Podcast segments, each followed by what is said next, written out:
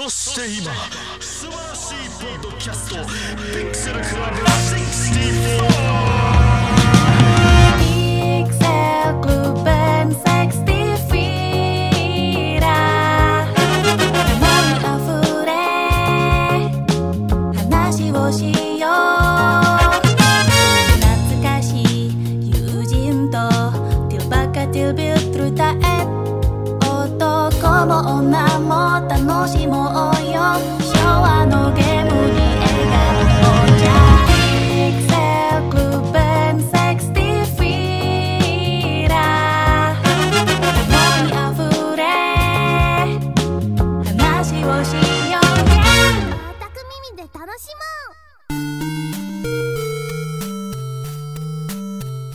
Då har du rattat in Pixelklubben ZX, podcasten med gamla minnen och videospel.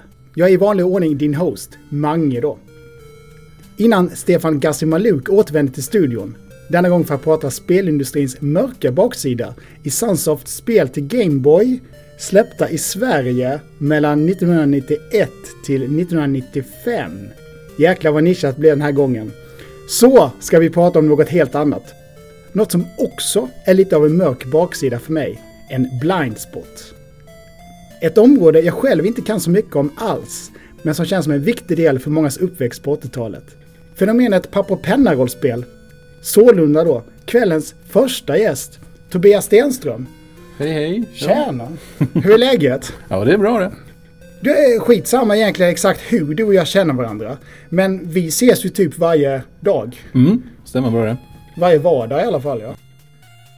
Men du, eh, var börjar vi egentligen? Jo, för sammanhangets skull. eh, Var och när är du uppväxt någonstans? Ja, jag är från Gotland och är född eh, tidigt 70-tal. Så jag är uppvuxen där fram till jag flyttade kring 2000. Clash of the Dialects, det där avsnittet Ja, känns gud det som. Hallå eller? ja, det är bra. Du, eh, förresten, innan vi pratar rollspel överhuvudtaget. Eftersom du är en generation äldre än mig. Mm. Vad var det du sa en gång om tillgängligheten av Stjärnornas krig, Star Wars på 80-talet? Ja, men alltså man blir ju ganska avundsjuk på de som växer upp nu. Nu är det ju precis överallt. Då fick man ju kämpa. Och jag menar, jag upplevde Star Wars genom tecknade seriealbum innan vi skaffade oss video typ 85-86. Så det är ju, man har en helt annan sits om man säger så. Tanken fanns inte att man åkte in och kollade på bio liksom. Det var, det var en lyxgrej som man kanske inte gjorde. Du, det här seriealbumet du nämnde där. Mm. Kommer du ihåg, är det det seriealbumet där de har översatt Chewies namn till Tuggis? Yes, det är exakt det. Ja, Tuggback.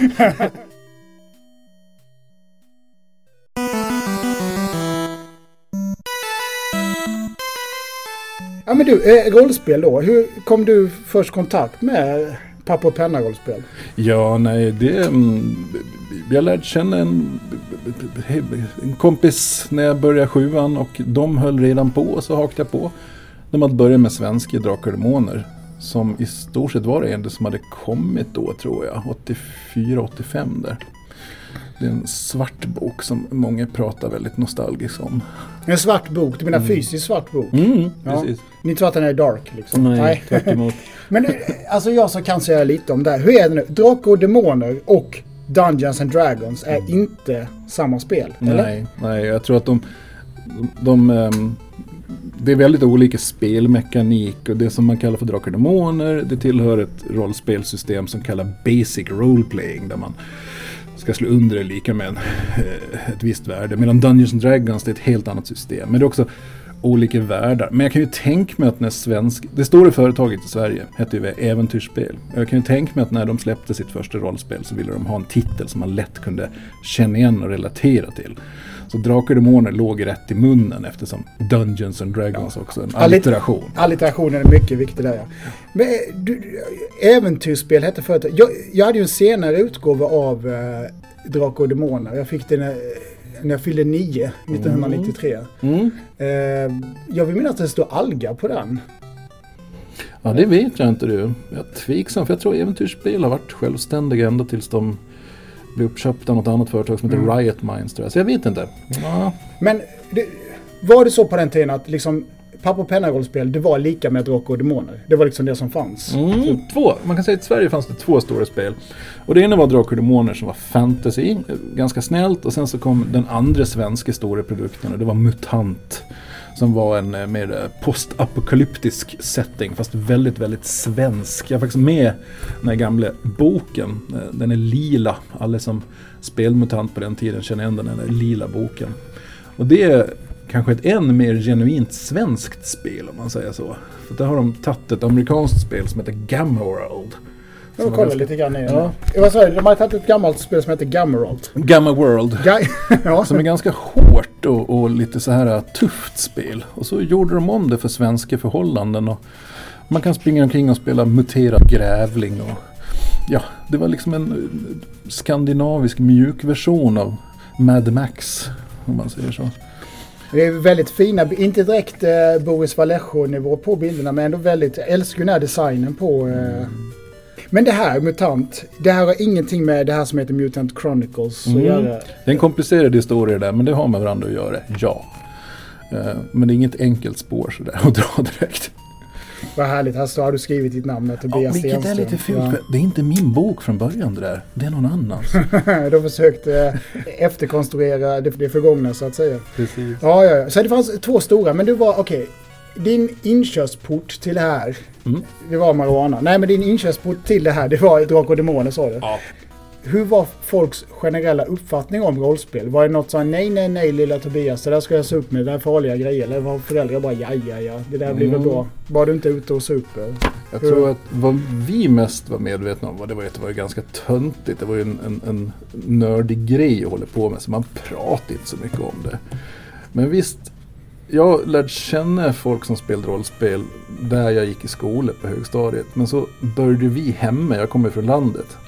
Då började vi spela också. Men där var det faktiskt föräldrar som sa åt kompisar att nej, du får inte spela. Det var en kompis, det hade mamman läst i Hemmets Journal tror jag, att man blir djävulsdyrkare. Och det, det, det där är fall från USA där de håsade upp Dungeons and Dragons. Där Mm. folk faktiskt hade trott att de kunde stoppa bussar med besvärjelse och sånt där. Men det, så jo, det, det fanns lite det där. eh, mitten av 80-talet. Det gjorde det att det var... eh, man kunde bli konstigare. Mm. Men samtidigt på tv var det ju diskussion i Studio S om videovåld. Och det, Ja, det var hur stort som helst ju. De trodde ju verkligen att tv och film och böcker påverkar folk på det sättet.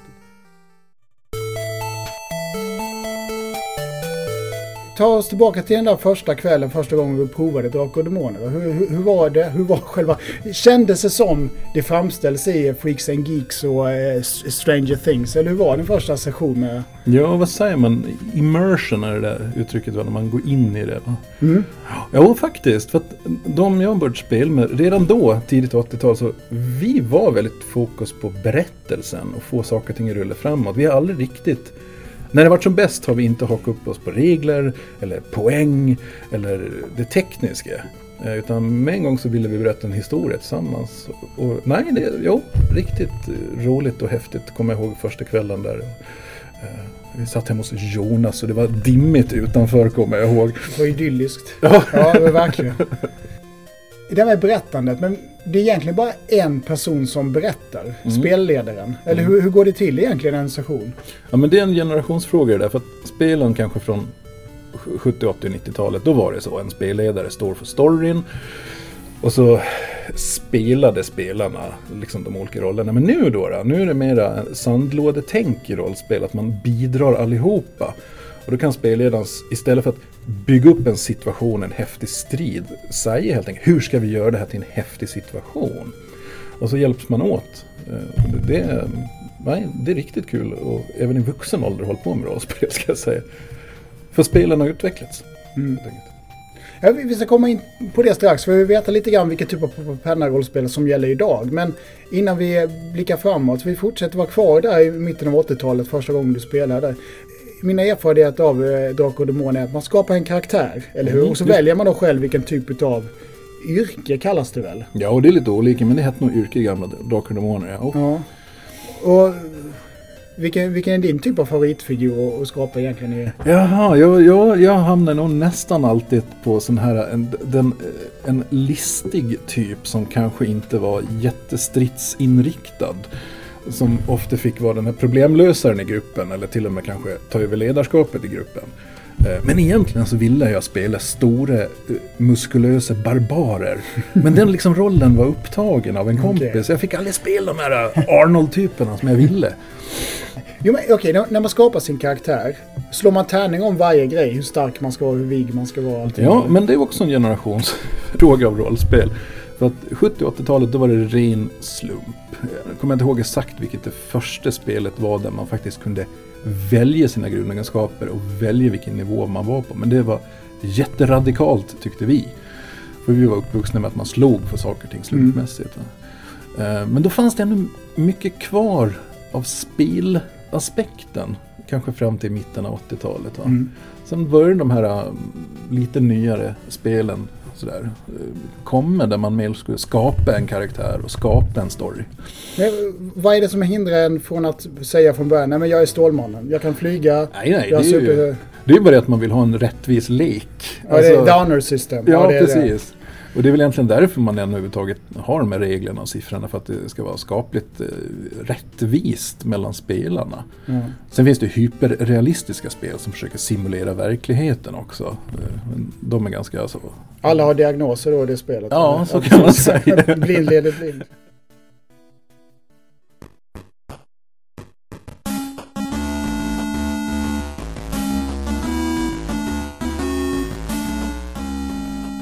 Men hur kunde det låta då den kvällen du satt där, spelledaren? Vad är det för typ av scenario som målas upp i det här Drakar och de- Demoner? Ja, men oftast är det ju att man kanske inte då att rollpersonerna, alter egorna känner varandra från början. Utan då kanske man fick börja med att försöka skapa en story där de lär känna varandra. Sen vi... Och det berättas bara då? Mm, precis. Ni sitter i en pub, okej. Ja, det ja, händer ett värdshus då, Ja. om det ska vara fantasy. Ja, just det. Men kanske konceptet vi körde väldigt mycket när vi började, det var ju att det kom någon och gav oss ett uppdrag. Eh, Nu har jag fått en skattkarta, nu behöver vi befria en prinsessa. Eh, Uppdragskonceptet är ju väldigt tacksamt liksom. Men vadå, säg spelaren typ så här att ja, men han kommer fram, han ger en skattkarta. Vad gör du då? Mm, exakt. Och mycket av det är ju prat. Och då säger man bara ja, eh, jag försöker se om han faktiskt pratar sanning. Och då plockar man fram tärningarna och kanske slår ett slag om jag kan genomskåda och se att han bluffar eller någonting sånt där. Men, Men- då, då har spelledaren bestämt, okej, för, för det är ju sån här eh, jättetrianglar i trianglar tärningar man har. Slår det mellan 1 till 10 så ljuger han och 11 till 20 så talar han sanning. Ja, oftast är det nog snarare så att spelledaren har nog bestämt en massa saker i förväg. Att ja, den här personen är en uppdragsgivare men han har inte rent mjöl i påsen.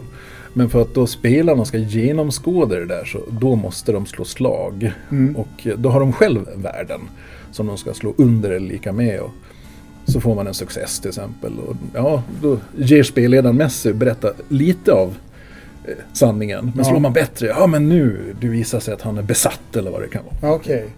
Ja, men hur, hur kan en strid vara då? Okej, så att efterhand då som den här eh, kvällen fortgår där på, på värdshuset så kommer ni fram till en grotta då och där möter ni eh, zombier till exempel. Så. Mm.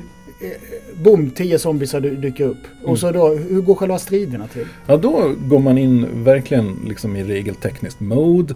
Man har olika värden på rollformuläret då för hur stark man är, hur snabb man är. Och det brukar alltid börja med att man slår ett initiativslag för att veta vilken ordning allting sker. För även i striden så är man ju, berättar man ju ganska mycket vad man gör. Men där är det mer fokus förlåt, du gör det eller spelledaren gör Nej, det? spelledaren sköter fienden och berättar allt Okej. vad fienden gör. Ah, Och jag tar hand om min egen karaktär så att säga vad han gör. Men just i strid är det ju så här att då kan jag ju säga att jag försöker hugga. Men så måste jag slå ett slag för att se om jag lyckas med hugget. Så det blir en liten annat berättande. Man är mer beroende av tärningarna. mm. Är det mycket improva- om improvisation från spelledaren måste det ändå vara väl? Jo, det är det ju. Och speciellt i de här lite äldre spelen. För att där var kanske inte alltid reglerna så välskrivna. Så att då var man tvungen att improvisera även den biten. Vad händer när du ramlar ner 30 meter från ett träd? Ja, det stod inte i regelboken. Ja. Då, då får man hitta på något. Men visst, improvisera storyn också. För att det är ju det som är så roligt med rollspel. Att man följer ju inget manus. Man följer ju egentligen inte ens en dramaturgisk kurva utan eh, det är det som är så kul att storyn kan dra iväg åt vilket håll som Mm. helst beroende på vad vi som spelare väljer. Men det här med vissa tropes måste det finnas. Är det inte så här slutboss till exempel? eller? jo, jo. Återigen då. Eh, så är de mesta stories uppbyggda. Eh, och det är ju oftast så det blir. Men det behöver inte bli så. Man kan också säga nej, vi tar inte uppdraget. Nu går vi och rånar banken. Och då, Och då måste ju spela- spelledaren finna sig i den situationen. Ja, eller då kasta in en drake helt plötsligt som inte Okej. fanns där förut. Om det är så här, ja du kommer fram till banken, du får eh, slå 1 till 10 då för att eh, det ska sprängas eller... Mm, Okej. Precis. Men hur, okej, så hur länge kunde man sitta då en kväll Oj, spela? just det. När vi var i tonåren då kanske vi träffades en, en lördag och kanske började vid fyra och så kanske vi var klara vid två på natten eller något sånt där. Och det, det var inte klokt alltså. Vi var väldigt välartade och nyktra människor, det var vi verkligen. För jag säga, jag hållit på med den här hobbyn. Det, här, det här känns som en väldigt viktig fråga för mig i sammanhanget. Vad, vad, vad, vad, snacksar ni på under tiden den kvällen? Ja, just det, det var, ju, det var en ganska stor och viktig grej det där med snackset. Ja. Vet du vad, nu kommer jag inte ihåg riktigt. Men det var någon smågodis för det mesta tror jag. För att, det där lärde vi oss fort. Högljutt godis, nej, det var portförbjudet. Ja, det är Chips och eh, salta pinnar, det, nej, det hade inget där att göra. Okej, men har, har du fortsatt med pappa penna-rollspel? Mm, till och från faktiskt. Och nu är vi liksom inne i eh, tredje revolutionen i våra liv. Vi har plockat upp rollspel igen. Snart 50 år gamla småbarnsföräldrar. Och det är roligare än någonsin. Det, det är faktiskt lite kul. Varför det roligare än någonsin? Ja, men nu, nu tror jag att vi, vi är mognare. Vi klarar av varandra mycket bättre än vad vi gjorde när vi var yngre. För då kunde man ju reta gallfeber på varandra. Eh, och så värdesätter man tiden mer. För nu, vi kan träffas varannan vecka, tre timmar. Och då gör man ju det bästa av det. Då har man ju verkligen kul de där tre, fyra timmarna. Till skillnad mot när man var tonåring och satt upp sex timmar och höll på med det här. Och det var kanske inte alltid så roligt då. De där, Nej, jag kan Timme fem och timme sex.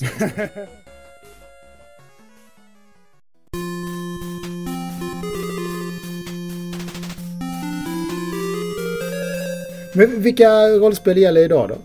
Jo, det är ju det som är lite kul att det finns ett svenskt företag som heter Fria Ligan som snappade upp de där gamla rollspelen från 80-talet och gav ut en ny utgåva av det här gamla MUTANT. Och hade verkligen tänkt till och plockat moderna idéer. Och det gick ju vi igång på, att få spela gamla MUTANT fast med nya fräscha regler. Va? Och det som verkligen var häftigt var när de släppte en produkt som heter Ur varselklotet. Som absolut inte har med MUTANT att göra utan det är ett rollspel som utspelas i Sverige på 80-talet. Och då kan man alltså spela en 13-åring som sitter och spelar rollspel på 80-talet. Och Alltså det, det, är rent fantastiskt alltså. Vad härligt ändå. Ja. Eh, Okej, An- annars, Drakar och Demoner, det lever kvar Ja. i... Eh, Ja, det gör det och eh, det är nästan lite komplicerat att säga vad det finns nu. Men det är också getts ut igen. Det är ju en vurm kring 80-talet som faktiskt nog startade strax innan eller samtidigt som Stranger Things i rollspelsvärlden faktiskt. Det är inte så att Stranger Things kom först och sen så kom 80-talsvurmen utan samtidigt där. Så det är, det är många gamla spel som har getts ut i nya versioner eh, med snygga illustrationer och sånt där. ja, men de som eh, lyssnar på det här som likt mig blir li- lite, lite sugen på det här. Var börjar man någonstans?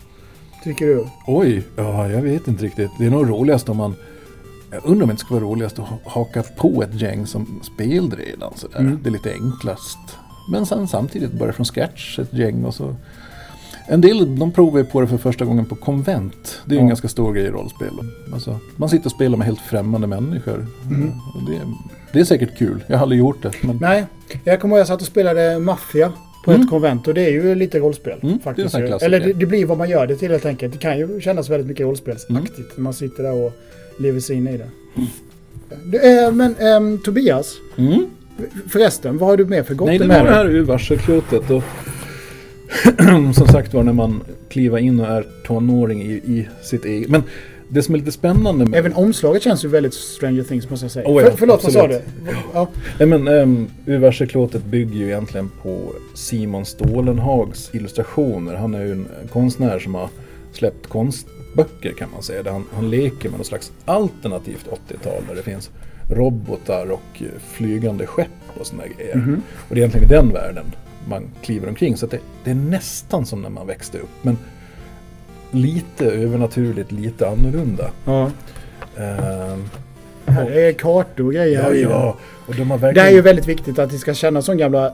I... Vi ska försöka förklara här. Det är liksom skrivet då med vanlig boktypsnitt så att säga. Men så har de ju skannat in som det ska se ut som gamla skolböcker och grejer de har skrivit i. Och så ser de här kartorna också. Mm. De har skannat in här. Det ska se ut som gamla mattepapper här när det är rutad, lin, rutade papper de har gjort kartorna på. Exakt, och hitta gamla kartor som ska kännas som någonting från Lantmäteriet och sånt. Ja, ja, ja, visst. det- Nej men det är charmigt och just det här universalklotet är jättecharmigt för det är nästan det första som står att rollpersonerna kan inte dö. det är så här, Nej, för att ska det är barn. ja, Ja. man ska spela spelet för storyns skull Mm. alltså. Och det är jätteroligt alltså. Det är det vi håller på med nu då. då. Återupplever barndomen på något sätt. Ja, det blir, jag tror att det är hela den här podcasten handlar om på eh, ett eller annat sätt. Genom alla de här 114 avsnitten vi är uppe i nu faktiskt. Nej men du, eh, Tobias. Mm. Tack så mycket för att du ville komma hit och gästa oss. Ja. hoppas det inte var allt för omständigt för dig att ta dig hit. Nej, det gick bra den här gången. Du är stannade och lyssnar på Tillbaks Billruta 1. Mm, det låter bra. Denna gången handlar det om spelindustrins mörka baksida kan man säga. Sunsoft-spel till Gameboy. Ska vi köra en modul först kanske? Mm. Vi håller oss kvar lite grann i Drakar och Demoner-temat. Eller modul och modul, en originalkomposition blir det. Det var länge sedan vi körde något från YM-arkivet, så det får bli något därifrån. Och kvällens bidrag är från Holland, något av Jochen Hippel. Han gjorde ju typ 90% av alla Atari-låtar och 99% av alla bra låtar till det formatet. En otroligt produktiv kille. Eller Mad Max, som han kallade sig på den tiden. Han var ju en riktig stjärna på att kräma ur det mesta ur dessa gamla ljudchip. Fetare DJ-drums får man leta efter. En av de tjockaste beatsen vi hört på länge här i podden. Skitsamma Tobias, vilken låt är det vi har valt här ikväll? Mm, Wings of Death från eh, 1990. Level 2. Atari ST alltså. Mycket nöje.「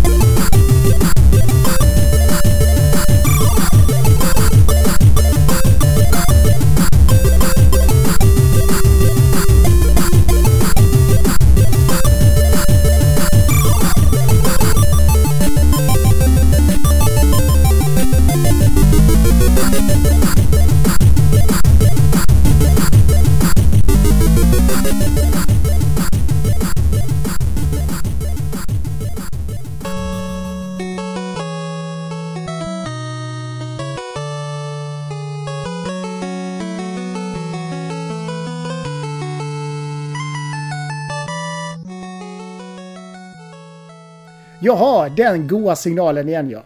Ämnet på kvällens Bakspelruta 1 har du som lyssnar säkert redan läst i avsnittsnamnet. Så ingen större hemlighet vad det handlar om denna gång då. Och då har du säkert koll på också att Sunsoft på NES, de spelen där var ju främst kända för två saker. 1. Banbrytande plattformsspel som tog 8-bitspel till nya höjder som Blastermaster och Euphoria. Och 2. Rövbra chipmusik som inte lät som något annat spelhus. Förutom kanske Festers Quest då. Men ikväll ska vi kölla om detsamma gäller även på Nintendos lilla bärbara. På Gameboyen. Ingen tid att spilla. Kvällens andra gäst och Sveriges mesta Sunsoft-expert. Stefan Gasbaluk Ganser. Välkommen! Tack så mycket Mange. Det, var, det är kul att vara här igen och prata om Sunsoft. Hur, hur upplever du din situation just nu? Min, min situation, den är, den är bra. Det är kul, kul att vara här framförallt. Ja, ja. Vad tror du om kvällens ämne då? Jo, det ska bli intressant. Jag har inte riktigt funderat jättemycket på eh, de här Gameboy-spelen. Fast jag har nog spelat de, de flesta av dem. Och har säkert någonting att säga om samtliga. Men du, allra först. Kan inte, kan inte du berätta lite om ditt Sunsoft-projekt? Du blir ju mer och mer av en nyckelfigur där, verkar det som ju. Jag kan säga att sist du var gäst här förresten, i, i den om sektion Z, så var det nog fortfarande en bok som gällde. Jaha, Faktiskt. Ja. eh, okej. Eh, ja, eh, nu är det mer att jag försöker göra någon form av en tidning. Det är ju lite som en, eh, som en bok fast det är ju egentligen samma sak. Jag, jag tror det är viktigt och det är väldigt unga lyssnare som bara läser på sina paddor och laddor och allt vad det heter. Så det kan vara bra att förklara skillnaden mellan tidning och bok faktiskt. Glöm aldrig det citatet i Family Guy när de säger, att internet is like a book but made of a tree. Det är lite så. Ja, ja. Jaha. ja men så, ja, Okej, så det blir ja. ingen bok alltså? Nej, men, Vi eh, kan glömma det här med att köpa en Sunsoft-bok på Boki alltså. Tidning säger du? En tidningsserie, för att då kan jag mer koncentrera mig på en del i taget så kan man säga. Så, och då känns det också som att det kommer att komma någonting någon gång. Eh, volym 1 som eh, den heter The History of Sunsoft helt enkelt. Eh, det är ju ganska lätt att förstå vad det innebär. Eh, och volym 1 kommer då innefatta eh, de 16 första arkadspelen som Sun Electronics gjorde mellan 1978 och eh, 1985 tror jag. Eh, och de är ju, de senare spelen kanske några är lite kända för folk men de första åtta är nog ganska obskyra och de flesta är, finns inte ens att spela på något vis nu för tiden. Och det, något finns det bara en dålig bild av en flyer att, eh, att se något av. Eh, ja, men det, så just nu är den eh, 60 sidor lång. Det är lite det är mycket bilder och så med. För jag tycker ju om att ha med liksom alla de här eh, flygbladen och eh, lite bilder från spelen och sådär om det finns. Och, så 16, och det, jag tänkte 60 sidor om de här 16 spelen som jag knappt har någonting att säga om. Det blir ju rätt bra ändå. Ja, men jag tycker det är väldigt häftigt det där, för det är ingen vanlig jävla Wikipedia-fakta du kommer med där. Ja. Du håller på att mejla fram och tillbaka med de här japsarna som faktiskt gjorde de här spelen en gång i tiden. För att kräma ut ny info. Ja, jag har hållit på i fem år nu så att jag kommer ihåg när jag hade intervjuat fyra personer. Två, två stycken som hade jobbat på Sunsoft of America och två från Japan. Och då tänkte jag, tänk om jag någon gång eh, hinner prata med tio personer. Och sen nu, nu eh, för nå- någon månad sedan så var det 50 intervjun som gick av stapeln. Eh, och det var spännande. Eh, och kul. Framförallt. Mhm. Har du i sann George Lucas-anda så här mappat ut i huvudet redan vad alla, hur många nummer det kommer bli och lite vad alla kommer handla om? Nej, jag, eh, igår tänkte jag på det faktiskt och då, eh, sen så sket jag i att fundera vidare på det. Det blir nog, jag skulle kunna tänka mig, jag vet minst fem tror jag. Vad kommer sista numret? Vad kommer vara intressant där? Vilken era är det då? Ja, då är det ju, alltså jag tror att jag kommer nog fånga de, de, sista, de senaste 15 åren kommer nog innefattas i ett nu, sista nummer. Och det är ju egentligen inte så mycket spännande. Det mest spännande där skulle väl vara Inti Creates eh, Blaster Master Zero-spel i så fall. Eh, vi får se. Det kommer ju en eh, Famicom-samling som möjligtvis också kommer eh, till väst. Den annonserades förra året så den borde ju vara på gång någon gång. Kan man tycka. Men när det väl blir dags för det här volym 1 då, vad kommer man kunna köpa den då? Det är en jättebra fråga. Som jag inte har något riktigt. Jag kommer säkert att man låter folk för, förboka Eh, begränsat antal. Jag vet inte riktigt hur jag ska få det här tryckt eller hur man gör. Eller jag, ska, jag ska testa frågan om tryck, person, firma, grej. Och se om jag eh, kan få något sånt här testexemplar gjort. Och se vad det blir, om det blir någon kvalitet som man tycker man kan eh, våga sälja till folk. Ja, ja. ja men det, är, det är spännande att höra Stefan, för jag vet att du har skickat lite videoklipp och så också på läckta videos och så också på lite spel som kanske inte riktigt blev av.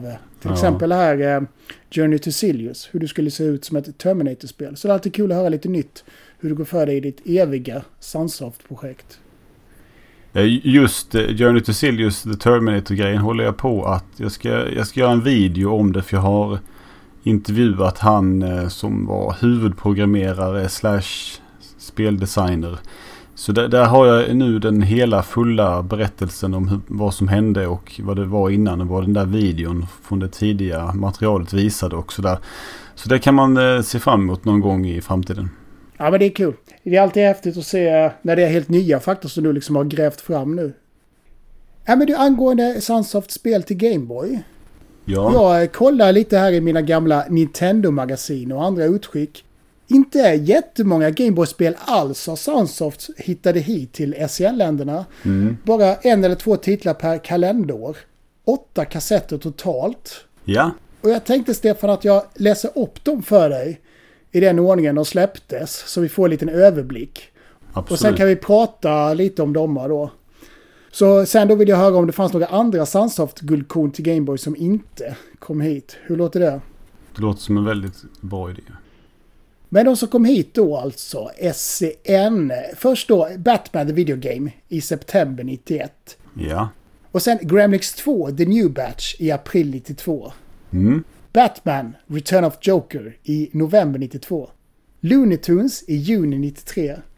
Trip World någon gång 93. Du vet inte något exakt mer datum där som den kom hit. Eh, nej. Speedy Gonzales, januari 94. Yogi Bears Gold Rush, en Hanna-Barbera-titel, men den hade Sunsoft bara publicerat. Visst var det så? Ja, precis. Det var... Då skiter vi i ja. den. Daffy Duck, februari 95. Det omslaget minns jag verkligen till SNES med, fast där Ja. med undertiteln The Marvin Missions. Och sist ut, Tasmania Devil in Island Chase, kolon Looney 2 i mars 1995. Det, är, det första jag undrar till dig Stefan, det är egentligen en generell fråga. Och det är ju den här. Var det samma team, kvinnor och män på Sunsoft, som gjorde deras Gameboy-spel, som hade gjort alla de här klassikerna på 8-biten? Eh, vissa av personerna, det beror på lite. Jag har inte... Vi skulle kunna kolla på per spel sen och se vad som... Vad, hur det ligger till. Har du spelat många av de här? Jag har nog spelat allihopa. Du, jag kollar lite på GameFAQs, ska jag säga, efter medelbetyg. Ja. Vågar du dig på en chansning på topp tre? Alltså vilka av dem jag räknade upp som rankas högst? Eh, då skulle jag väl i så fall säga Batman the Video Game. ehm, Trip World och Looney Tunes kanske. Ja, vet du vad? Du lyckas... Eh, du sa dem inte i rätt ordning, men du sa eh, topp tre där faktiskt. Tripworld första plats, sen eh, Looney Tunes och eh, tredje bäst enligt eh, Game Rankings då, Batman the Video Game. Vilket, vilket eh, skulle du eh, gissa är det sämsta av de här enligt statistiken på Game Rankings? Hmm. Eh, Daffy Duck. Ja, det var näst sist. Eh, konstigt nog så var det Gremlings 2 av någon anledning. Ja, nej, nej, nej, det är inte alls konstigt. Eh, jag, jag glömde det. Gremlins 2, absolut, skulle jag nu när du säger det. Du får berätta varför sen när vi kommer till det spelet. Ja, Men om vi ska prata lite om de här spelen. Så vi kan ju prata lite kort om dem i den ordningen de faktiskt släppte då. Och först ut hade vi ju då eh, Batman the Video Game. ja.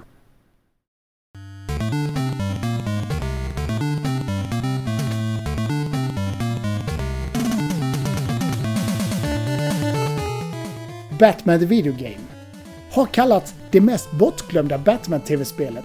Även om det ser ganska annorlunda ut är det mer eller mindre en mindre variant av Sunsofts första Batman till NES.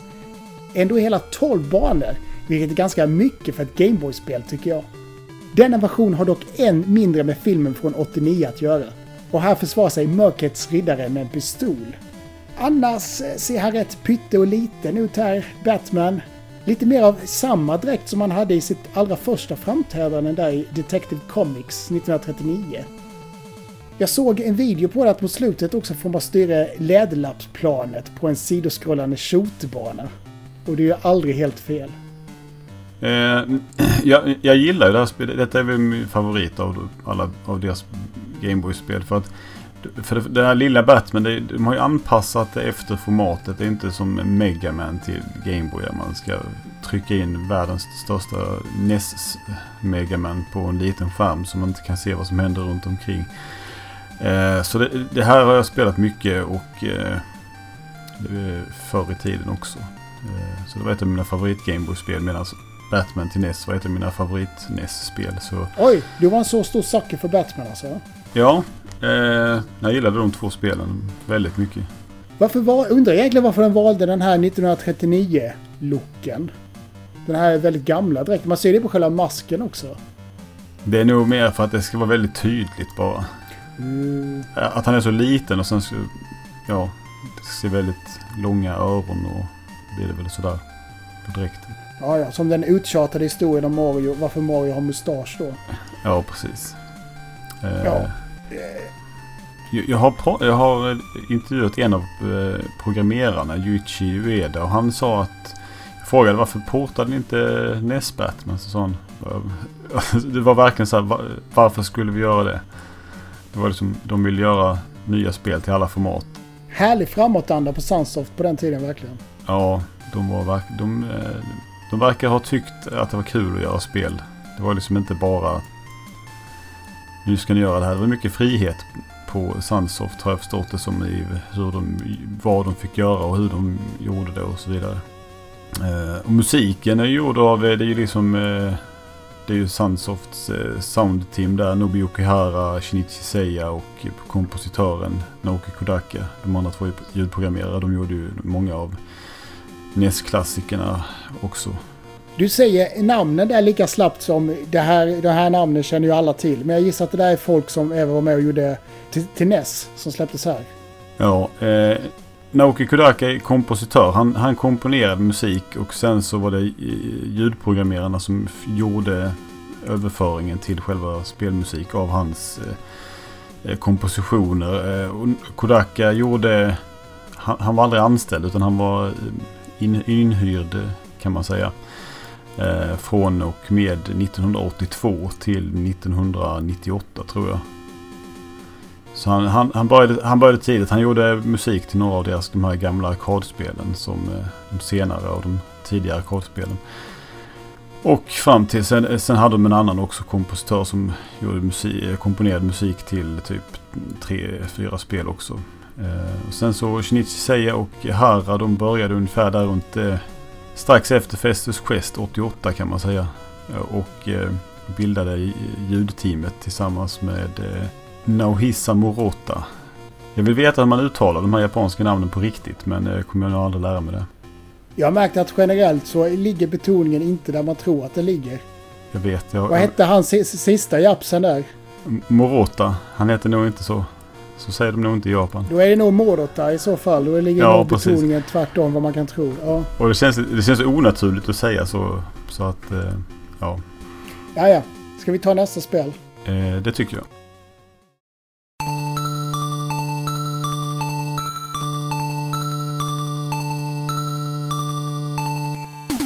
Gremlings 2, The New Batch då.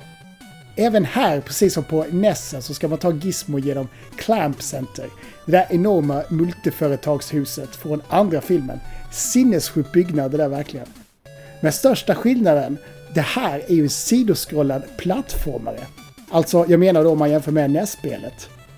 I Nintendo-magasinet nummer 592 så sa de att Sunsoft faktiskt har lyckats bättre med Gameboy-versionen. Och jag blev fasen lite sugen på att prova det, men vad var det du sa här innan att du hade full förståelse varför det hade så låg ranking? Ja, jag förstår inte hur de kan säga att det här skulle vara bättre än NES-spelet. För det här spelet är mer eller mindre vedervärdigt. Gizman har inget vapen när han börjar. Sen så kanske du till exempel hittar en penna då. Och då har du den. Det är lite som ett pusselspel på något vis. Men för att du hittar olika saker du kan skada fienden med. Förutom den här pennan. Och pennan är ju liksom ett, mer ett permanent slagvapen. Men du kan också missa och du måste leta upp den här jävla pennan. Det hittar du inte bara genom att springa rakt fram. Eh, och så finns det andra då vapen som man kan hitta som är liksom eh, förbrukas. Eh, och eh, man, måste, man måste nästan liksom, ja, nu måste jag döda de här fienderna med den här och så innan den förbrukas. Och sen så kanske jag kommer fram till den här pennan till slut. Och, och, och bossarna är mest liksom, man, man, man matar med den här pennan och hoppas på det bästa. För att ah, långt ifrån kvaliteten på NES-spelet. Att det ja, programmerat av den här Yuichi Ueda som jag pratade om som var programmerare på Battle. Men också fast han var inte huvudprogrammerare. Här är en ensam programmerare. Mm. Nej, inget bra spel.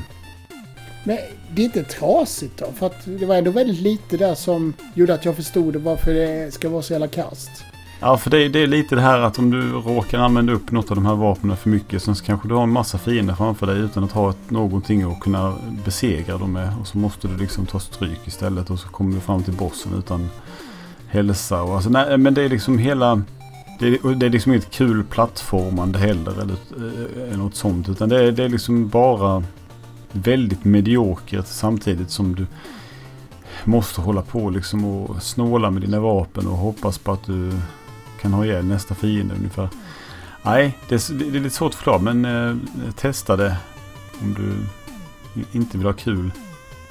Jag, jag brukar dö på första bossen och sen så ger jag upp och slutar spela. Jag har klarat den och kommit till andra bossen någon gång men det är... Nej, ingen höjdare. Fin grafik, bra musik. eh, Men, Okej, mycket yta då helt enkelt. ja. Ändå konstigt att det här Grammy ska vara sådär dåligt. Det är bara det för att man tänker på att NES-spelet var ju så jävla bra. Jag tror fortfarande jag tycker att det är typ topp 5 spel till NESen faktiskt. ja, det är jättebra. Det är väldigt bra spel. Medan, nej, det är väldigt dåligt. Här fick man inte plats med några cutscenes och så va? För det är ju eh, Gremlins till NES väldigt känd för det här extremt snygga cutscenes. Det kan finnas någonting i början, lite att det är lite bilder och sådana där lite fina bilder och så. Men jag tror, jag vet, eh, mellan banorna är det nog inte det. Så vitt jag kan minnas.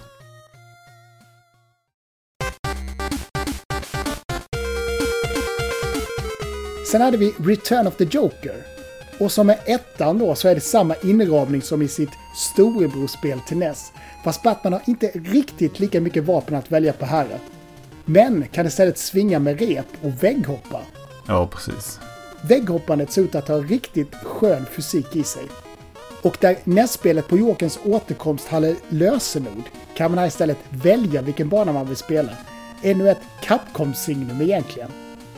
Mycket tydligare grafik här än första Batman till Gameboy. Och Batman självt ser ut lite mer som han gjorde i uh, Animated Series, alltså den som gick på TV4. Och julnumret av Nintendo-magasinet 92 skrev att det var svårare än Return of the Joker till NES, vilket jag tycker låter smått sinnessjukt. Och det här spelet är väl lätt dyrast av alla de här åtta SCN Sunsoft-kassetterna vi fick hit till Gameboyen. Jag har sett att vissa kompletta exemplar har faktiskt gått för några tusen av det här spelet. Vad har du på detta då? Eh, nej, det är inte speciellt kul heller faktiskt. Eh, det, man kan välja mellan tre banor. Sen när man har klarat de tre så kommer den fjärde sista bana. Men jag tycker att eh, kontrollen är väldigt... är, är, is that it? Fyra banor alltså? Det är inte så mer? Ja, ja, det kan man ju tycka att det är bara... Jag har inte klarat en enda bana någon gång.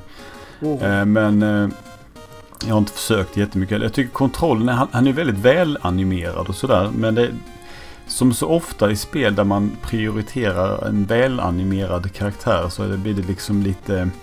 Det blir inte lika direkt kontroll. Det ska liksom vara mycket fina animationer så fort någonting ska göras. Och då blir det mer att det... Ja, det är svårt att förklara. Jag tror varje gång jag spelade så startar jag på eh, eh, Sewers-banan. Och så tycker jag den är tråkig för det är vatten som höjs och sänks och håller på. Och sen så kanske bättre att ta någon annan bana där man inte behöver kämpa mot vatten och lära sig kontrollen kanske. Men bra musik på den banan då. Sewers. Ja, körde vi mus- musikpaus i förra eller förra, förra avsnittet var det kanske. Ja, musiken är ju som sagt, den är ju väldigt bra. Det är ju eh, musik. Ja, musiken i detta är ju helt och hållet gjord av eh, Musik. Manami Matsumai.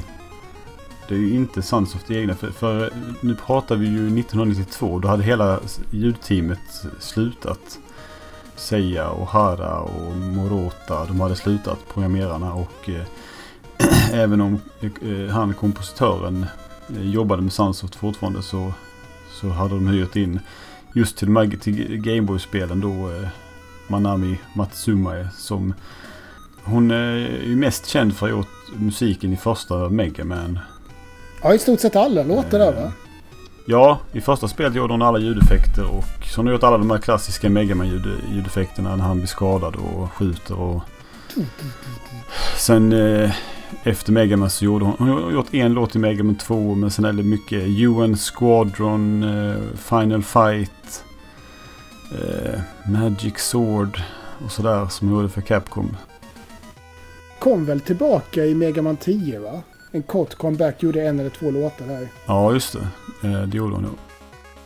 Eh, jag intervjuade henne för ett tag sedan. Några frågor ställde jag till henne om för hennes Sunsoft-inblandning och sådär. Var hon sa att hon jobbade på, på Capcom. Men sen så hade hon slutat för att hon gifte sig. Jag vet inte, jag, jag har inte frågat fler frågor.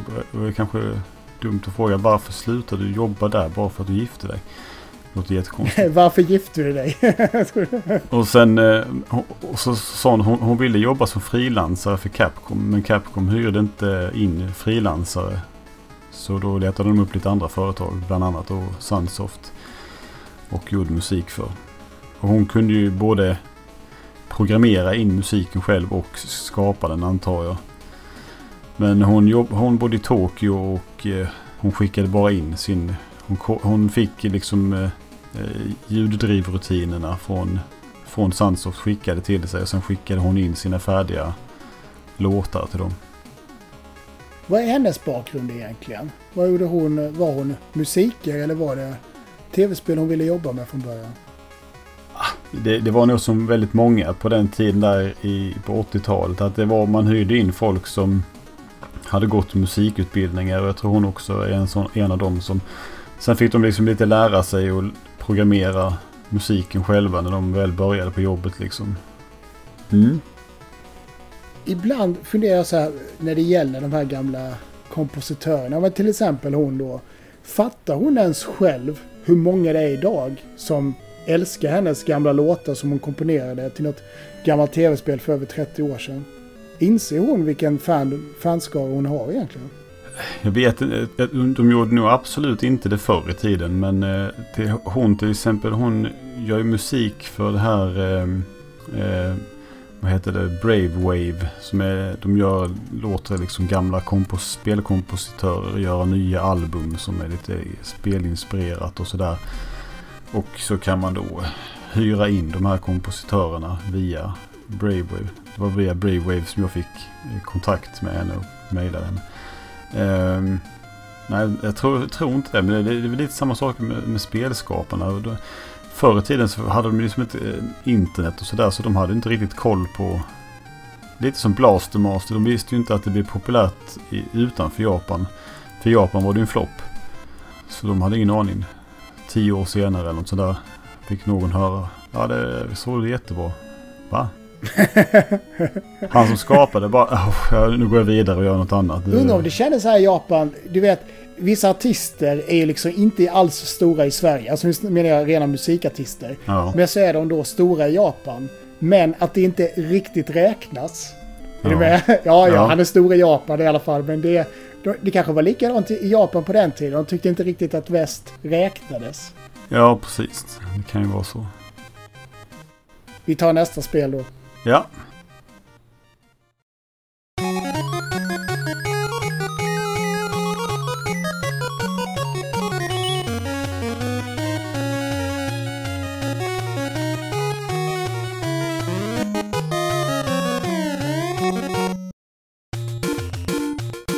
Första Looney Tunes. Det är konstigt att de har sökt medelbetyg ändå. Jag tycker inte alls det ser så kul ut det här. Men på varje bana i alla fall så kör man som en speciell karaktär. Eh, där man gjorde olika saker. Det var till exempel plattformsbanor till Daffy och Snurre och Taz. Mm. Racingbanor till Tweety och Julben. Och flygspel till Porky Pig och Taz. Eh, avskalad, ganska tråkig fiendesign, verkar det vara. Eller? Ja, alltså, alltså det, det, nej okej, det, det är ju inte jättekul. Men det är liksom... eh, Det är ju ändå, det är väldigt fint och det, det är liksom... Tror det, det var nog det här spelet som hette något annat under utveckling. För det annonserades som typ Looney Tunes Merry Melodies eller något sånt här. Men sen så döpte det som bara till Looney Tunes. Eh, nej, men som, ja, som, man är varje bana. Jag, jag har alltid kommit på att det finns ju en eh, Game Boy Color-version som släpptes senare också. Den ser lite finare ut. Men, just det, en liten remake, eller hur? ja, de liksom färglade det några år senare. Men eh, grejen är liksom att det... Det är väl inte roligt, men sen samtidigt så är det ju liksom inte förjävligt heller. Det är liksom helt okej. Och, de, de här, och det är väldigt bra musik. Det är ju... Eh, Matsuma är här igen och jag frågade henne om hon hade komponerade låtarna efter varje karaktär på banan. Men hon sa att hon mer komponerade. Hon sa att hon började titta på väldigt mycket Looney Tunes för att få in liksom känslan för hur det ska låta i, i Looney Tunes. Och sen så gjorde hon musik som liksom passade hela ensemblen samtidigt eh, till alla banor istället. Jaha, så ingen typisk grislåt då till Porky? Nej, precis. Eh, kanske är lättare att bara ha en generell feeling för Looney Tunes i låtarna. Nej, men eh, det, sen, vissa banor är väldigt lätta. Det, det, det finns en bana med, med, med Taz där man liksom far runt som ett yrväder som han gör. Och sen är det liksom typ köttbitar som man samlar upp som är ibland jordklumpar som går sönder när man, man, man liksom åker fram och tillbaka med dem. Det finns liksom ingen utmaning. Jag, jag kommer inte ihåg det liksom. Jag kommer ihåg det som att man bara åkte fram och tillbaka. Sen helt plötsligt var banan över. Medan banan med Roadrunner var betydligt svårare. För då åker man efter eh, eh, Wiley Coyote och han kastar dynamiter och bomber och skit efter en. Och man ska försöka undvika det under en viss tid typ. Och jävlar vad många gånger jag satt i, i timmar med bara den banan. Och det, hela banan är bara det att han, man åker efter honom och ska undvika hans jävla attacker. Okej. Sen var det sista bossen som, eh, då var man eh, Bugs Bunny på sista banan och så var sista, eh, vad heter han, jägaren, Elmer Fudd. Mm. Alltså helvete vad det var. Man skulle försöka ha ihjäl honom. Alltså det var, sen när jag väl klarade dem, det var rent tur. Jag vet inte vad som hände men helt plötsligt så bara trillade han om- omkull. Och då hade jag haft världens tur. Jag hade ingen hälsa kvar. Det var, och jag hade spelat där i, i, i så länge som helst. Eh, Hittills är jag fortfarande nog mest sugen på första Batman där tror jag. Ja, för det är ju ett bra spel på riktigt. Och det här eh, Looney Tunes programmerades av Michio Okazaka. Han har jag med intervjuat. Eh, han gjorde lite andra spel senare. Till exempel vad då? Eller han, han lämnade liksom... Eh, han lämnade Sunsoft typ där runt 92. Eh, och sen eh, startade han... Han var med och gjorde Return of the Joker också såg jag nu. I alla fall han, han- han startade företaget Santa Claus. Och sen så liksom gjorde han lite spel för, bara för Sunsoft där fram till 98 i typ sex år. Innan han började i mobilspel som alla andra. Eh, och eh, jag vet liksom inte vad, vad, han lämnade företaget som så många andra gjorde 92 i och för sig. Men, och sen gjorde han ändå bara spel åt dem. Fast det var i och för sig under på, på i sitt eget företag såklart. Så det kanske var därför. Jag vet inte riktigt. Det verkade inte väldigt populärt att göra spel på licens. På Sunsoft helt enkelt. Och det är väl lite för att man blir, man blir begränsad till vad man kan göra. Batman, det, det, det, där satsar de, de mer på bara... Vi gör ett bra actionspel och sen så får det liksom bära eller brista om vi får släppa det. Ja, eller hur? För att de har ju ändå inte med så mycket grejer från filmerna där. Nej, det är ju liksom... Omgivningarna är liksom miljöer från filmerna. Men sen är det Batman som bara skjuter ihjäl gubbar liksom på vägen och lite robotar och sånt där. Det är ju inte med i filmen direkt. Men eh, man får göra någonting. Det, och det var väl lite det som var problematiken med The Terminator. Men det kommer ni få höra om.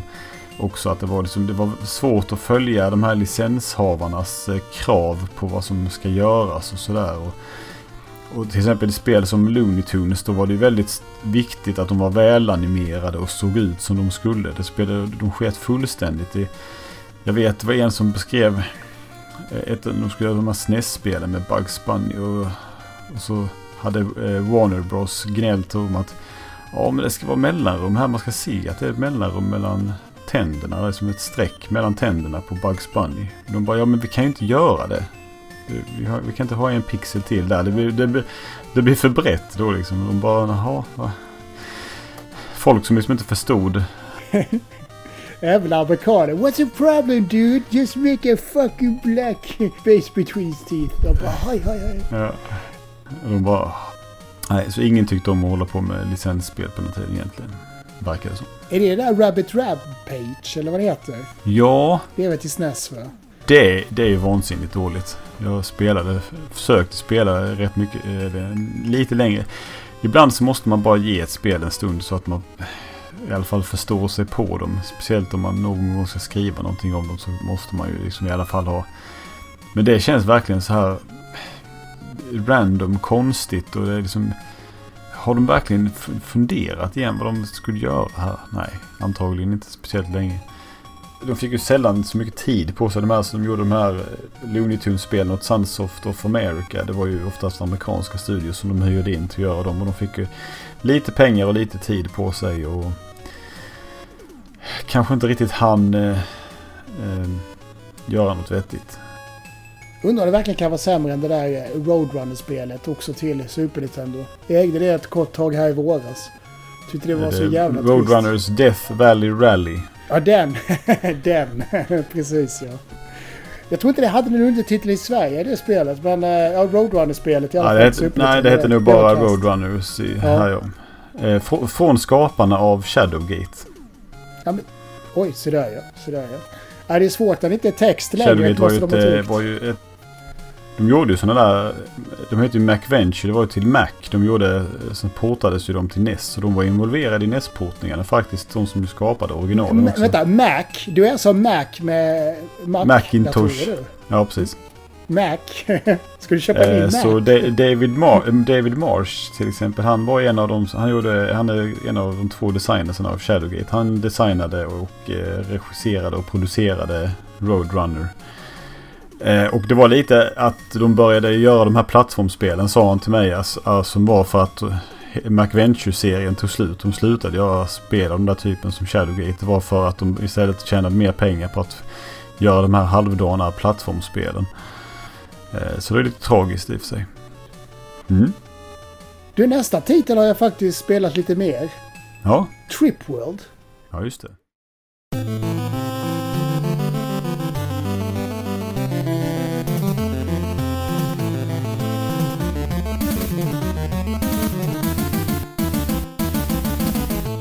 Det ovanligaste, eller ska man kanske säga det mest eftersökta av alla Gameboy-spel, då det likt Gimmick bara släpptes i Japan och i vissa delar av Europa. Rent hutlösa priser på andrahandsmarknaden. Jag har sett att vissa kompletta europeiska ex har sålts för över 15 000 kronor. Ja. Det är skandalöst. Det är det. Och det fick ju heller inte jättemycket uppmärksamhet och recensioner vid release i Sverige av någon konstig anledning. Vilket säkert också då bidrog till den väldigt begränsade upplagan. Och detta har jag faktiskt spelat lite mer. Sebbe hade ett ganska fint ex av det här för det är väl 10-12 år sedan nu väl. Utspelas i ett land som heter just Tripwell då. Där du spelar som den gulliga lilla Jacopo som ska sno tillbaka fredsblomman från de onda. Och att fredsblomman har fallit i fel händer innebär att alla gulliga djur i Tripworld har förvandlats till skogstokiga och agerar fiende i spelet. Ser ut som att det utspelas i samma universum som Mr. Gimmick, men programmeraren, vad heter han, Stefan, Yuichi Ueda. har sagt att de här två spelen inte har något med varandra att göra. Mer än att, ja ja, jag gillade ju designen i Mr. Gimmick så Ja, Nischen i Triple i alla fall är att han, Jacopo, kan förvandla sig till olika former. Till exempel att han kan ju flyga genom att flaxa med öronen eller simma som en fisk då. Mm. Lite väl lätt att ta sig igenom, endast fem banor långt. Man kan alltså klara det på under 30 minuter. Och då kan man verkligen ställa sig frågan, vad blir det i kronor per minut egentligen? Men totalgrymt soundtrack. Låter nästan som Shovel Knight. Mäkta imponerande verkligen. Hur mycket har du spelat eh, Trippan? Jo, jag köpte, det finns ju på eh, 3DS Virtual Console. Så där köpte jag det och har spelat. Och Jag, jag, har kom, jag har kommit till slutbossen. Eh, som folk ibland säger, ja det är inte så svårt. Men ja, mm, men jag tycker det, slutbossen är väldigt... Jag vet inte vad jag ska göra.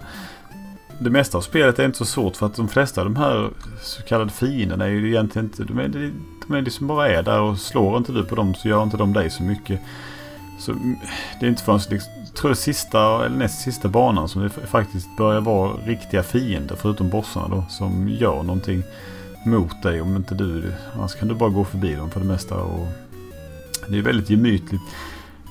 Här är det musik som är komponerad av Face Out. Jag tror att sen är det tre namn som står efter. Jag tror de här tre namnen är folk... Face Out, sa du det? Ja, jag tror de här tre personerna som då också står som kompositörer är de som är Face Out. Men jag har inte riktigt lyckats... Men de, de Face Out står också på något annat Sunsoft-spel så jag vet inte.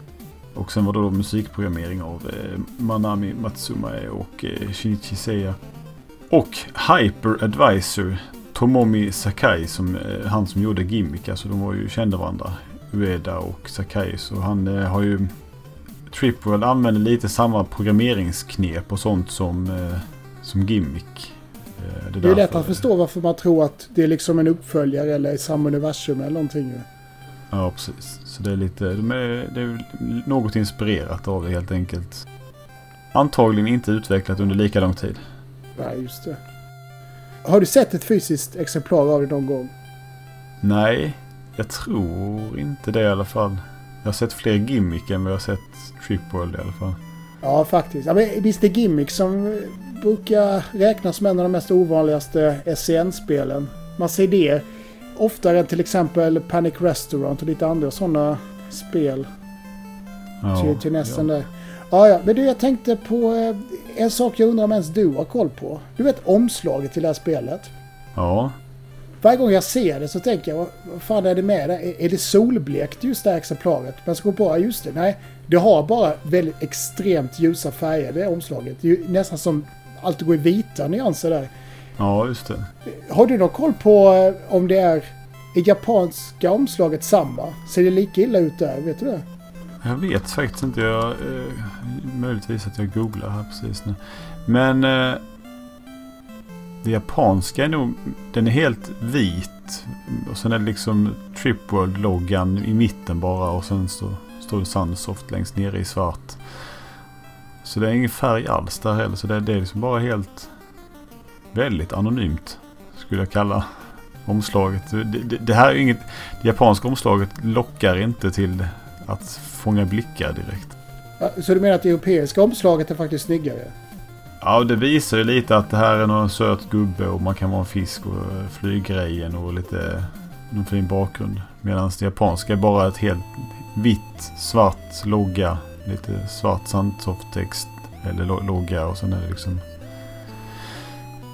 Fast på något sätt, jag tycker båda är rätt fina ändå. Nästa spel som släpptes här då.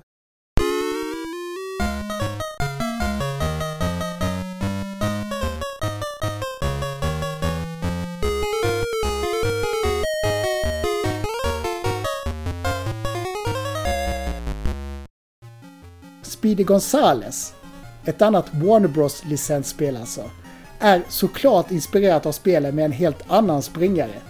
Sonic. Jag har fått berättat för mig av Raffe, vår Gameboy-mästare här i Pixelklubben, att det är ett totalt värdelöst plattformsspel med reparativ musik. Men det Patrik på Nintendo-magasinet hade att klaga på vid release var främst att det inte kommer så mycket nytt alls. Plus då att snabbheten på Speedy Gonzales gör gameplayet lite otydligt på den plottriga Gameboy-skärmen. Och att fienderna inte utgjorde så mycket hot alls, tydligen. Det har du varit inne och snuddat på vid några andra spel här också vi pratat om ikväll. Att just eh, fienderna inte utgör så mycket hot. Ja, det här har jag aldrig spelat faktiskt. Eh, och det här är ju utvecklat av eh, Citizen Software. En brittisk utvecklingsstudio. Jaha, så det är inget Sunsoft-spel? Eh, jo, det är ju ett Sunsoft-spel på så vis att eh, Sunsoft hade licensen och hyrde in det här företaget att utveckla spelet åt dem. För det var ju... Eh, eh själva Sunsoft i Japan gjorde bara vissa av de här Looney Tunes-spelen medan de flesta av dem gjordes av olika andra studios som, som då eh, Sunsoft of America letade upp. Och eh, det här Citizen Software eh, nu ska vi se här. Det är ju, de, de gjorde också eh, Super NES-versionen. Eh, som jag tycker ändå är lite roligare. Speedy Gonzales.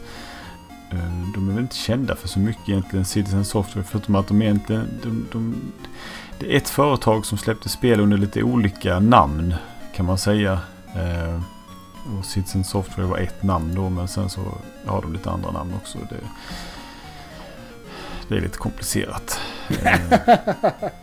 Vilken professor du Men- blev där. Nej, det är inte komplicerat. Ja, det, det är lite sådär att de hade liksom olika märken och släppte dem av någon anledning på, ja. Eh, David Palmer Productions eh, hette nog eh, själva grundföretaget som fortfarande finns fast inte utvecklar spel idag tror jag. vet inte riktigt. Jag, prat, jag hade intervjuat David A. Palmer själv. Det är samma företag som gjorde Doom-porten till Game Boy Advance. Eh, eh, en gång i tiden. Eh, lite senare. Låter inte jättespännande då det där faktiskt. Jo, det är deras häftigaste grej. Eh, I alla fall. Mm, ja, nej. Ja, ja. nej. Men spelet ser, det är nog inte absolut inte roligt. SNES-spelet är liksom precis eh, mediokert men vä- väldigt så här småtrevligt ändå. Det är liksom inget fel på det men det är inget som man hänger i julgranen så att säga. Vad det lackas. Ja. Då går vi vidare till nästa spel. Mm.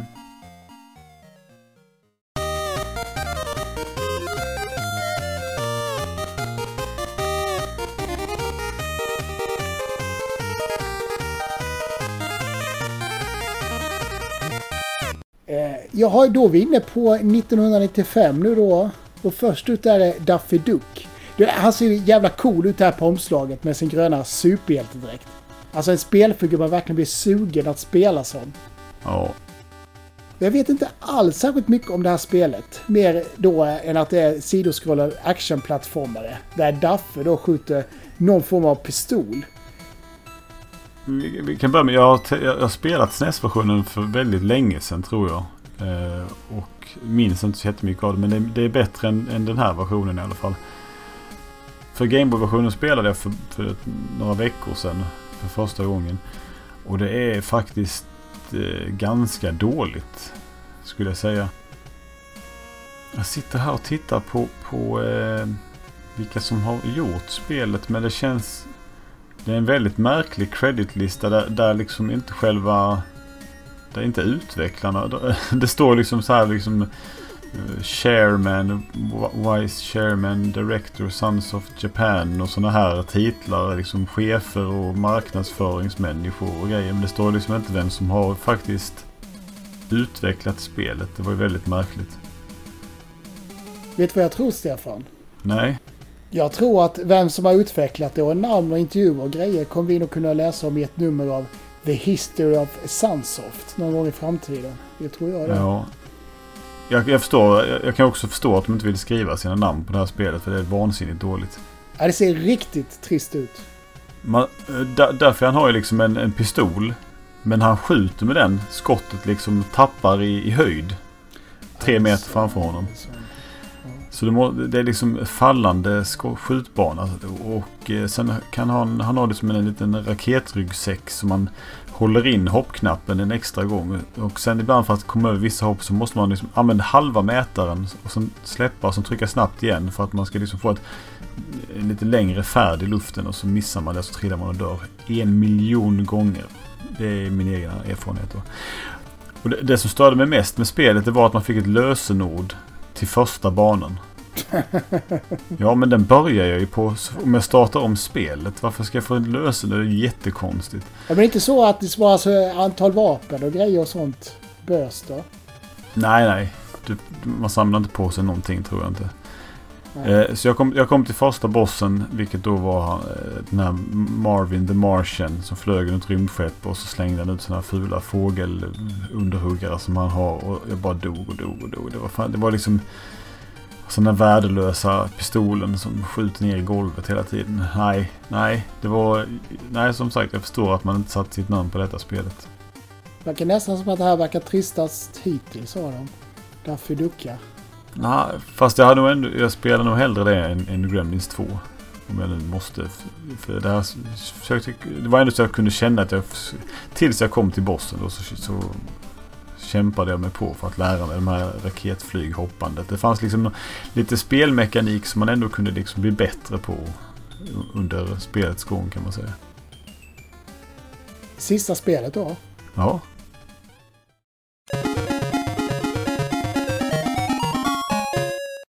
Och det sista vi fick se av Sunsoft till Gameboy i Sverige var då mars 95.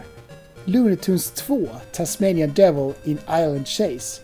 Och denna är jag lite mer sugen på faktiskt. Och det är väl mest bara då för att det är ett ganska sent släpp till Gameboy och just sena releaser känns ju alltid lite spännande. Tass är ju dessutom min favorit bland alla Looney Tunes. Jag skulle säga att det här spelet, det- känns inte direkt som en tvåa till första Looney Tunes, då det är så pass annorlunda från det spelet.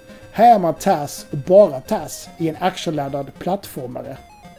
Och väldigt svårt spel tydligen om jag tolkar Bergsalas lilla text från Club Nintendo-bladet rätt.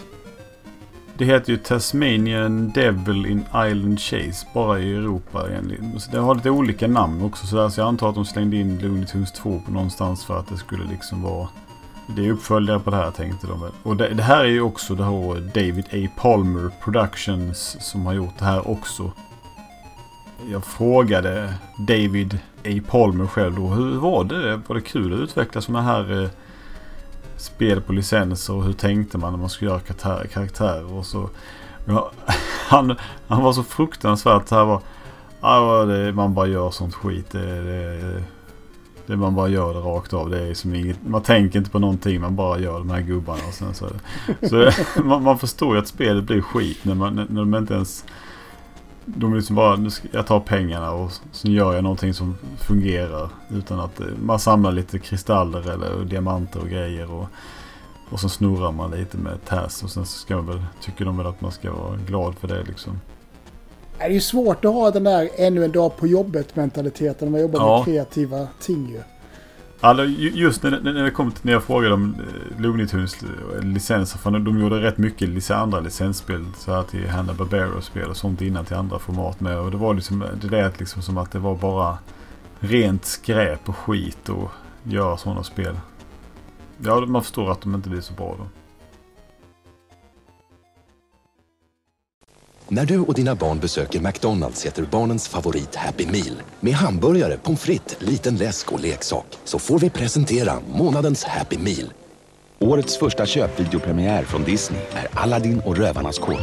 Och här får vi träffa alla vännerna igen. Aladdin, Jago, Abu och Anden. Från den 3 januari och fyra veckor framåt träffar du figurerna från filmen på McDonalds. Och nu har vi sänkt priset på Happy Meal från 29 till 25 kronor. Välkommen! Men av de här åtta goa titlarna då. Om du skulle vara tvungen att spela ett av dem tills du varvade, vilket väljer du då? Ja, det är ju alltid Batman the Video Game såklart. För det är ju ett, ett, ett av de absolut bästa Gameboy-spelen. Så att det finns ju ingen, eh, ingen tävlan där kan man säga. Ja, jag tar nog Trip World igen faktiskt. Det säger jag. Ja, Det är också... gulligt. Det tilltalar mig. Ja, men musiken tilltalar mig så mycket där. Och estetiken. Inramningen. Väldigt trevligt också. Ja, men det var eh, alla titlar som vi fick till Sverige då. Om vi inte missat någon.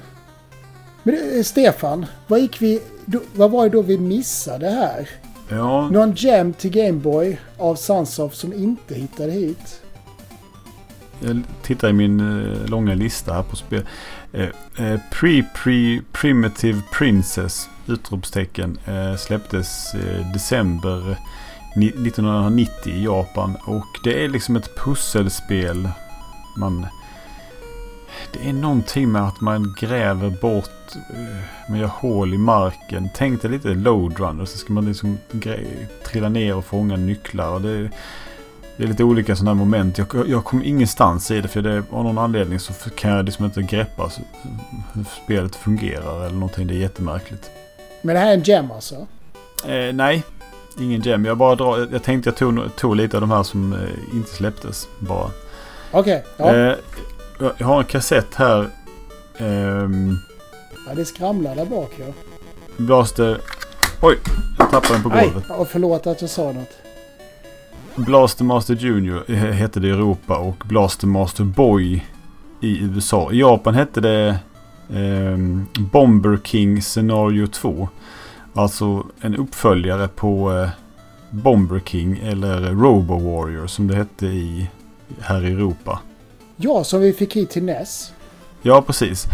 Och jag antar att de döpte om det till Blaster Master Boy när det kom till USA och Europa för att Blaster Master var ju en hit här och inte Japan. Och Mm. ingen vet ju vad Bomber King och knappt eh, Robo Warrior heller var för någonting. Så då eh, valde de väl att eh, döpa om det. Alltså det har ju ingenting med, med, med Blastermaster att göra överhuvudtaget. Det är ju precis, det är samma upplägg som eh, Robo Warrior. Man, eh, och Robo Warrior i sig är ju någon form av eh, spin-off på eh, Bomberman. Eh, Icom som gjorde originalet eh, gjorde det åt eh, eh Hudson. Eh, som, som gjorde Bomberman från början såklart. Så det var någon form av eh, Eh, liksom eh, spin-off där. Och det här spelet är en uppföljare då. Sunsoft licensierade från Icom att göra uppföljare på Bomber King. Och Hudson verkar inte ha någonting med det att göra för. Så de verkar inte ha ägt licensen. Utan Icom verkar ha fått behålla det för sig själva. Ehm, jag spelade det för någon dag sedan. Eh,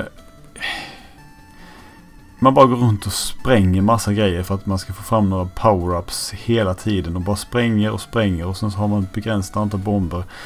Och sen får man lite olika föremål som man kan använda. Så går man ner liksom i, i, i grottor och då måste man tända någon ljus.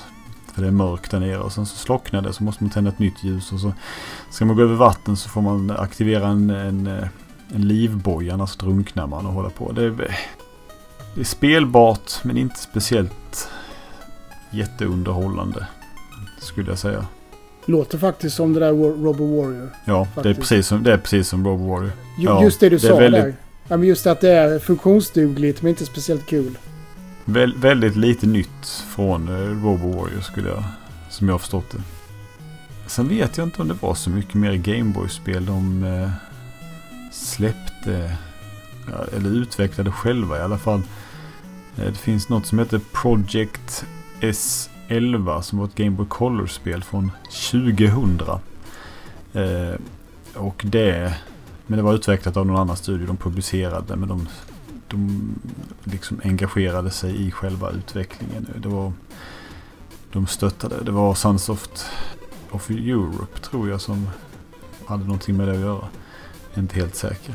Men det måste ha varit när det var ett sånt sent spel. Eh, Sen har de ju liksom publicerat en massa. De publicerade rätt mycket Gameboy-spel där sen på 90-talet. eh, Till exempel Final Fantasy Legend-spelen till Gameboy. Alltså Mystic Quest alltså. Som det hette här. Ja, precis. Eh, Några sådana spel eh, släppte de om liksom en andra omgång. Och det är ju intressant för det, de har, spelen har den här lilla koden oftast. Som, en, som i Sverige på NES slutade med SCN och sådär. Men eh, de här spelen som de släpper om, de, de har liksom ett streck 1. Som då markerar att det här är en ny. Det, det är liksom inte original publiceringen av det här spelet upptäckte jag när jag tittade på de här kassetterna och sådär. Det var nog egentligen eh, de, eh, de Gameboy-spelen som jag kände till i alla fall. Är det något du känner som vi missade här då? Utav dem?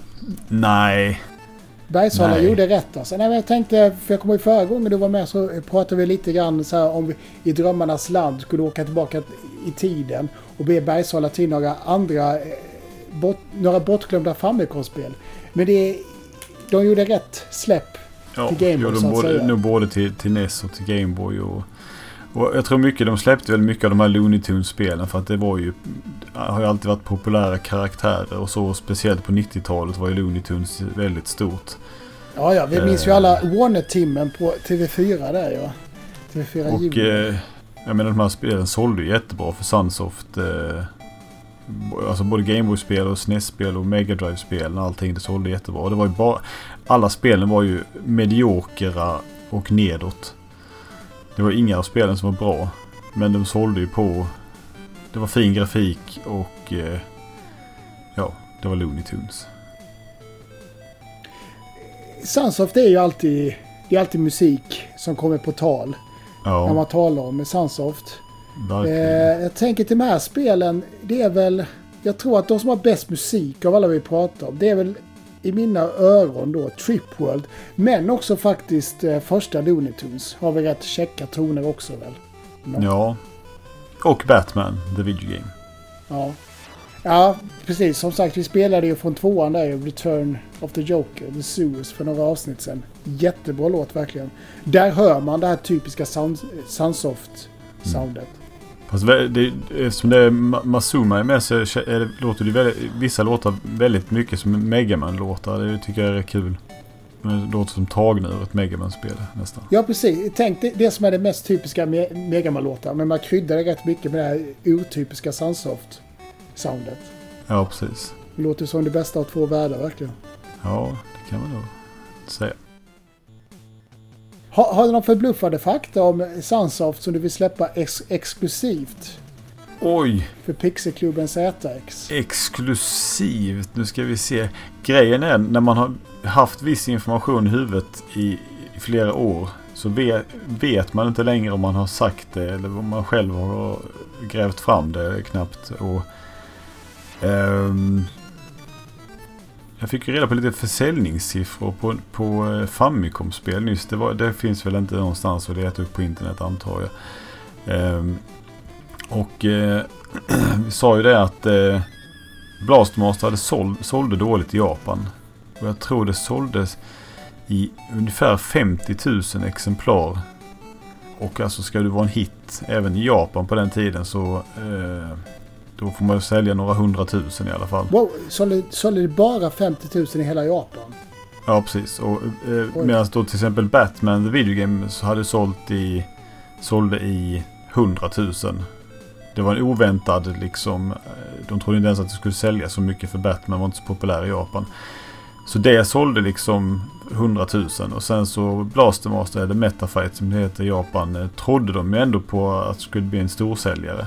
Och så sålde det hälften så mycket som spelet som de inte trodde skulle sälja någonting. Och Gimmick sålde ungefär 15 000 exemplar för det var ju så sent. Eh.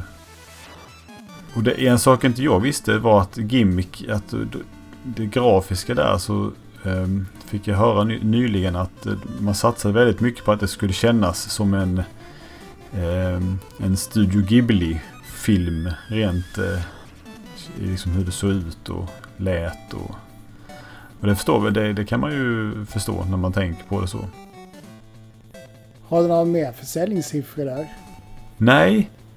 Men man kan jämföra då med Batman då. 100 000 i Japan. Eh, nästan en miljon sålda i USA då. Eh, men sen samtidigt så i Japan så var de alltid på den tiden, eh, kanske nu också, att man, man, man tryckte. Även om du trodde att ett spel skulle sälja mycket. Så gjorde du färre exemplar än du hade hoppats att du skulle sälja. För att i Japan vill man inte på något vis ha fler exemplar, ha något över. Du gör hellre färre exemplar och säljer mindre än att göra många exemplar och ha osålda spel. Ja, det är därför Nintendo alltid tillverkar för få exemplar av sina konsoler och grejer. Du, eh, eh kanske. Eh, Nintendo är ju Nintendo i och för sig. Men eh, nej, så eh, jag vet det, finns en, en 40-års jubileumstext då om Sun, Sun Electronics historia som översattes för något år sedan. Och där i stod det att ja, även om det här Batman-spelet då sålde väldigt bra, 900 000 exemplar eller nästan då mer, eller mer i, i USA. Så hade vi ändå, vi hade ju tillverkat en miljon eh, kassetter. Så det blev väldigt mycket osålt där som vi fick ta tillbaka. De liksom hyllade succén att det sålde bra. Men sen skulle de dra ner det också för att amerikanerna hade begärt för mycket och inte lyckats sälja det. Jag tycker det är en kul text man ska läsa för den, är- den är lite så här, den, den, den hyllar väldigt mycket Sunsoft Japan och sen så liksom under, så här eh, pratar liksom lite, pratar ner amerikanerna lite så här eh, lite trev, på ett trevligt sätt kan man nästan säga. Jag vet inte, det är som att de är lite eh, nej, nästan rakt av otrevligt faktiskt nu när jag tänker efter. Eh, kul. Kul Men vad hände med alla de här osålda exemplaren då? Jag antar, alltså, det var väl lite så tror jag i USA, speciellt på den tiden att man, att man fick lova liksom att eh, sålde inte spelen så skulle inte de här återförsäljarna behöva sitta på de här exemplaren utan då fick man liksom köpa hem dem igen. Och då, jag vet inte, de såldes säkert förr eller senare. Jag kan inte tänka mig att man bara tog hem dem och slängde dem. Men det var ju att de sålde inte direkt, det var ju det. Och Batman missade ju julhandeln i USA också för att det blev förseningar i utvecklingen. Eh, generellt så sägs det att det, att det släpptes eh, 1990 i USA då. Men det släpptes faktiskt 89 i december i Japan. För där hann de ändå trycka upp exemplar och sälja. Och faktiskt även i USA såldes ett väldigt få antal i, i december. I en, bara på en viss, någon marknad, någon stad liksom. För att de hann få hem några exemplar. Sen så började det säljas i januari 90. Ehm, ja, förseningar i utvecklingen. På grund av, eh, man kan ju se de här, eh, det finns eh, en video, en beta som har med mellansekvenser som inte riktigt, eh, som inte är med i spelet. Och, det är liksom bilder, då får man se att det är liksom tecknad. Tecknad Batman, inte Batman från filmen. Warner Brothers sa, nej ni har licensierat filmen, inte något, någon annan Batman. Ja, så fick de ju ta väck det och så blev det lite, tog lite längre tid. Ja, det var så alltså. Och det var han, eh, Tripworld-skaparen Ueda som var eh, mellansekvensprogrammerare i Batman. Och han, han bara sa det att ja, jag, jag visste inte, jag bara tog Batman och lite bilder och sådär. Jag visste inte att det var, att det var olika Batman liksom. Så, så han fick lite utskällning där och sen så fick han göra om det. Jag, jag tänkte på en sak. Vi, om vi skiter nu i liksom Gameboy och så, utan ser som helhet. Vilket är egentligen Sunsofts mest sålda spel av alla? Ja, det är då eh, Famicom-portningen av Iki. Iki var ett arkadspel som släpptes eh, 1983 kanske. Men 1985 så när de började göra Famicom-spel så släppte de Iki, Route 16 Turbo och eh, Super Arabian till Famicom. Och Iki sålde i hela 700 000 exemplar. Eh, och eh, det var liksom därför man kände lite oj, oj, oj. Och det sålde ju så här bra för att de flesta spelen sålde väldigt bra i början för att det fanns inte så mycket spel 1985 och det släpptes inte så spel så ofta. Så Iki är ett eh, skräpspel i alla sina utföranden. Eh, och eh, jag- det är liksom lite tråkigt att Iki ska vara deras bäst sålda spel i Japan. Det får man tillägga, tillägga, det är ju Japan det bäst sålda för vi pratade om att Batman i, sålde ju i, nästan en miljon exemplar i Japan. Eller i USA menar jag. Så i USA sålde Sunsoft spel väldigt mycket bättre. Och, men just, och, och därför har väl Sunsoft i Japan lite fått Icke på något vis är liksom någonting de har. De gjorde en ny online-version, Icke online till Playstation 3 till exempel. Och släpptes bara i Japan. Och där man kunde spela multiplayer. Och det, jag menar det ser lika tråkigt ut som original Icke. Det, men men nu, nu kommer jag ju på en sak. Nu, det här med kanske okänd information. På, i- början av 80-talet så hade man någonting som hette Idea Staff. Alltså folks studenter i Tokyo som man hyrde in till att komma och liksom eh, vara idémakare och ha åsikter om spelen. De höll på, arkadspelen de höll på att utveckla. Eh, jag har pratat några som jobbar där från 83 till 85. Och en av dem han säger att eh, Pokémon-skaparen eh, Satoshi Tajiri jobbade där som eh, deltid som sån här Aides där för runt 82 någon gång. Eh, Ja, inte bekräftat men... eh, Och sen, eh, Tajiri är väldigt svår att få tag på för han har skapat Pokémon trots att...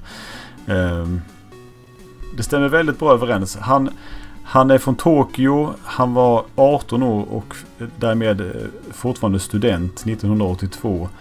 Han höll på med sin tidning där precis 82. Med, Just just började med Game Freak, den här tidningen som han senare gick över och kallade sitt spelutvecklingsföretag. Eh, och var väldigt mycket inne i spel och sådär. Så eh, en dag kanske vi kan få det bekräftat. Jag vet inte. Eh, Ja, ännu en pusselbit i detta Ja. storpussel som kallas för Sunsoft. jag jobbar på det. Ja, men jag önskar dig all lycka till verkligen med kommande tidningarna och det. Ja, tack så mycket. Jag hoppas på att få tag i lite mer information om de här tidiga arkadspelen och sådär. Så att jag, jag liksom sitter lite och väntar på att skriva om vissa saker för att det inte behöva skriva om det igen sen. Men eh, några av de som jobbade med de här absolut tidigaste arkadspelen jobbar ju fortfarande på Sun Electronics tydligen fick jag veta nu i, innan sommaren. Så att det är fullt möjligt att man kan få lite svar på frågor där. Mm. Jaha, men du Stefan då önskar jag dig en mysig kväll. Ja, tack detsamma. Ska du sätta dig med något spel nu eller?